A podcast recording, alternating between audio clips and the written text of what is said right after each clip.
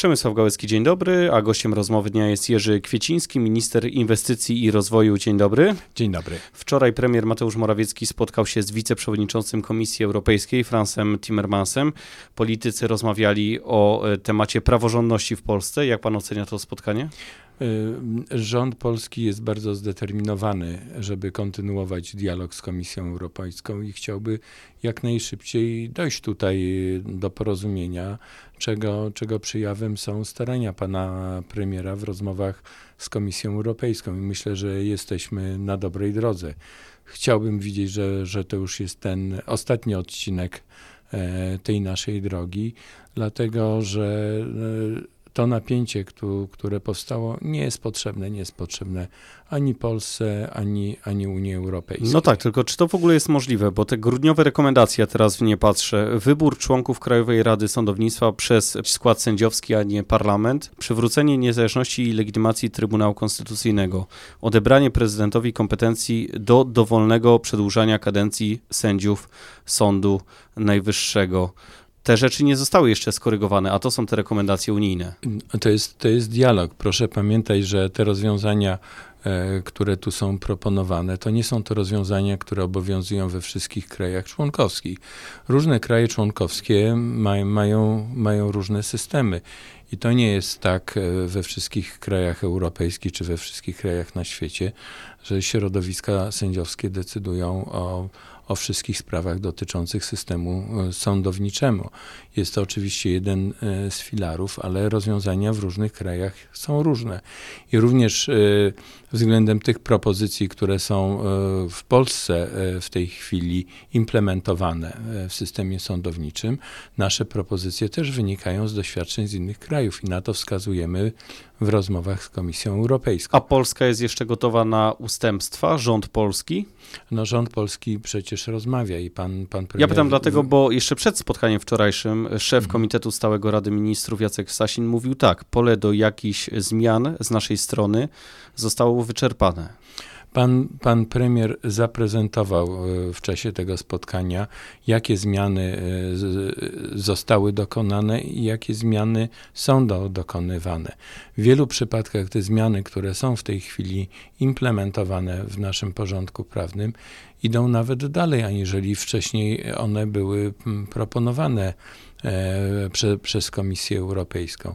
I, I te rozmowy, no niestety, no nie mogą tak wyglądać, że za każdym razem, jak się spotykamy z Komisją Europejską, to są nowe żądania, nowe oczekiwania są względem naszego rządu prezentowane, bo to nie jest dialog. Wczoraj po tym spotkaniu, no to mm, powiedziałbym, Język dyplomatyczny e, zagrał. E, zarówno pan premier, jak i e, wiceprzewodniczący Komisji Europejskiej używali dość krągłych zdań, ale pan premier powiedział, są siły, którym nie zależy na kompromisie. Co to za siły? To prawda, ale co to są za siły, to trzeba zapytać. Szczególnie trzeba zapytać pana wiceprzewodniczącego Timmermansa czy, innych polityków. No, ale my widzimy, że w tej chwili, w, w sytuacji, kiedy wydaje się, że, że naprawdę to dogadanie się, osiągnięcie kompromisu jest dosyć bliskie, e, pojawia się bardzo wiele, jak pan wspomniał, sił czy, czy polityków, którym byłoby nie na rękę, żeby ten spór, e, spór się zakończył. Ale jak pan widzi tutaj możliwość kompromisu, w kraju, w Unii gdy e, Europejskiej? Timmermans mówi, Radę Sądowniczą musi wybierać skład sędziowski, a nie parlament, a w naszych przepisach to jest parlament. No właśnie, no to, to są te rzeczy, które muszą być dogadane, ale czasami wie pan, e, nie do końca jest dobrze, żeby wszystkiego, e, wszystko od razu powiedzieć, dopóki się strony nie dogadają. Na tym, na tym polega osiąganie kompromisów, że o pewnych rzeczach, które, które są negocjowane, e, lepiej się dogadać w zaciszu zaciszu gabinetów. To prawda, zawsze, ale z drugiej zawsze... strony ta procedura artykułu 7, ona toczy się. W przyszłym tygodniu będzie to formalne wysłuchanie Polski czego pan się spodziewa, jak to będzie wyglądało? Wie pan, to, to zobaczymy. No, każdy jest ciekawy, dlatego że jeszcze takiego precedensu w Unii e, Europejskiej nie mieliśmy, więc, więc sami, sami się jesteśmy ciekawi, jak to będzie przebiegało.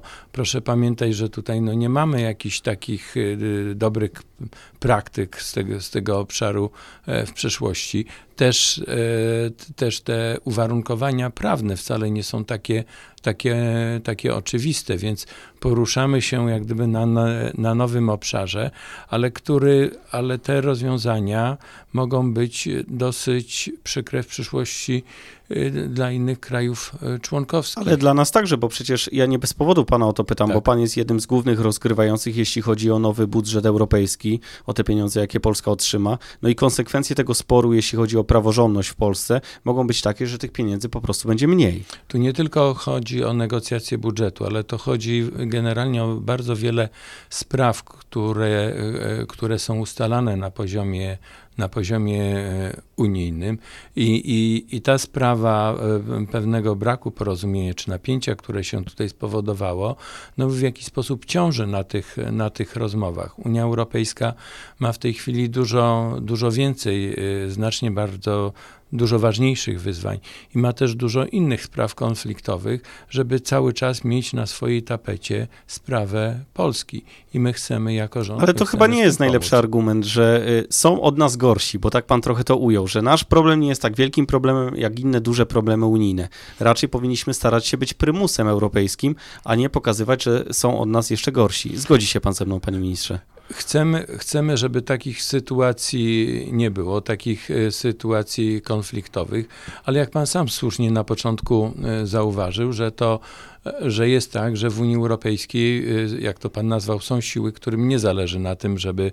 A pan że- może że- nazwać te siły? e, żeby, żeby Polska. Czasami wie pan, lepiej, e, lepiej ich, ich niekoniecznie tak literatywnie nazywać, bo wywołuje się niepotrzebnie napięcia. No dobrze, to panie ministrze, pomówmy o tym budżecie, o projekcie budżetu na kolejną perspektywę. Zgodnie z tą propozycją przedstawioną przez Komisję Europejską, Polska ma otrzymać 64 miliardy euro z Funduszu Spójności, o 1 trzecią mniej niż w obecnej O perspektywie. 23% mniej. Czy polski rząd ma argumenty, żeby powalczyć o większą kwotę?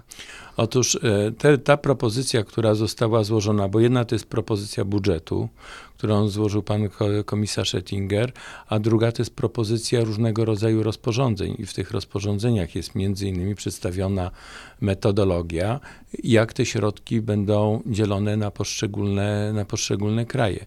I widzimy, że jeżeli chodzi o ten nowy budżet, to, to wcale to nie jest tak, że że on jest dużo większy od tego poprzedniego, a tak ta pierwsza prezentacja wyglądała. No dobrze, ale Dlatego- też nie będziemy ale- mieli dużego płatnika, e, czyli ale, ale nie, ale Wielkiej nie, Ale Brytanii. tu nie o to chodzi. Chodzi o to, że ta wczy- pierwsza prezentacja, która, która została przedstawiona przez Komisję Europejską, dawała nadzieję, że ten nowy budżet będzie znacząco większy od poprzedniego.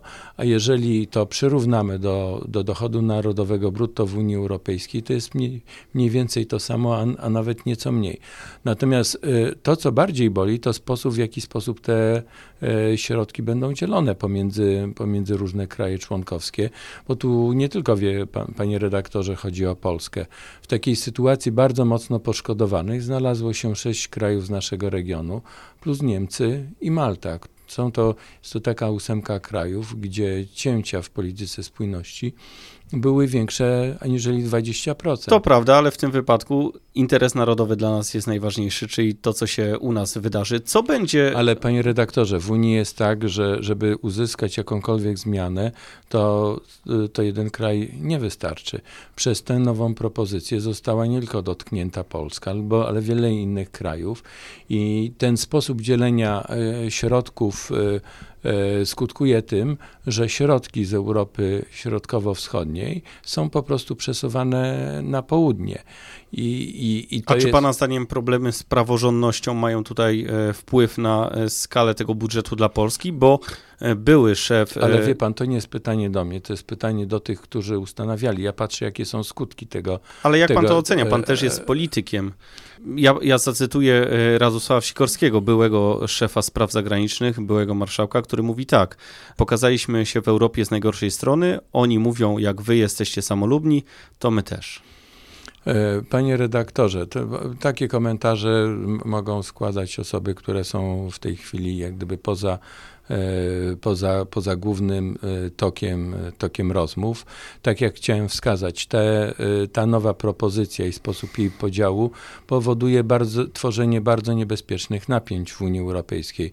Ja przypomnę, że kiedyś, kiedy wchodziliśmy do Unii Europejskiej, był taki podział wschód-zachód, czyli ci nowi, którzy wchodzą ze wschodu, a ci starzy zachodu. On był niebezpieczny, to było niepotrzebne budowanie e, tego typu barier. Ale teraz chyba czasami, nie ma tego podziału. Cza, czasami są takie podziały pomiędzy południem a północą Europy, czyli ta północ zorganizowana, pracująca, ta bardziej leniwa południe, to też jest bardzo niedobry.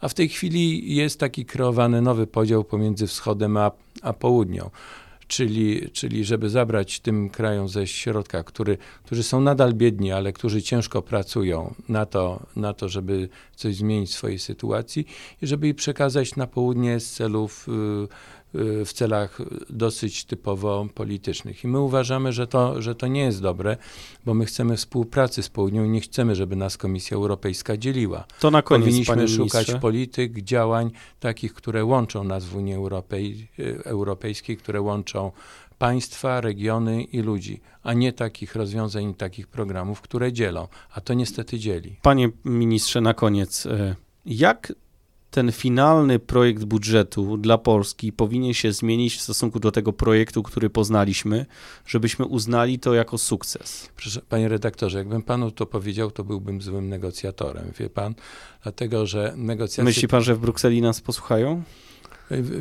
Tu nie chodzi o to, żeby nas słuchali, bo my tutaj nie jesteśmy jakimś prorokiem, wyrocznią.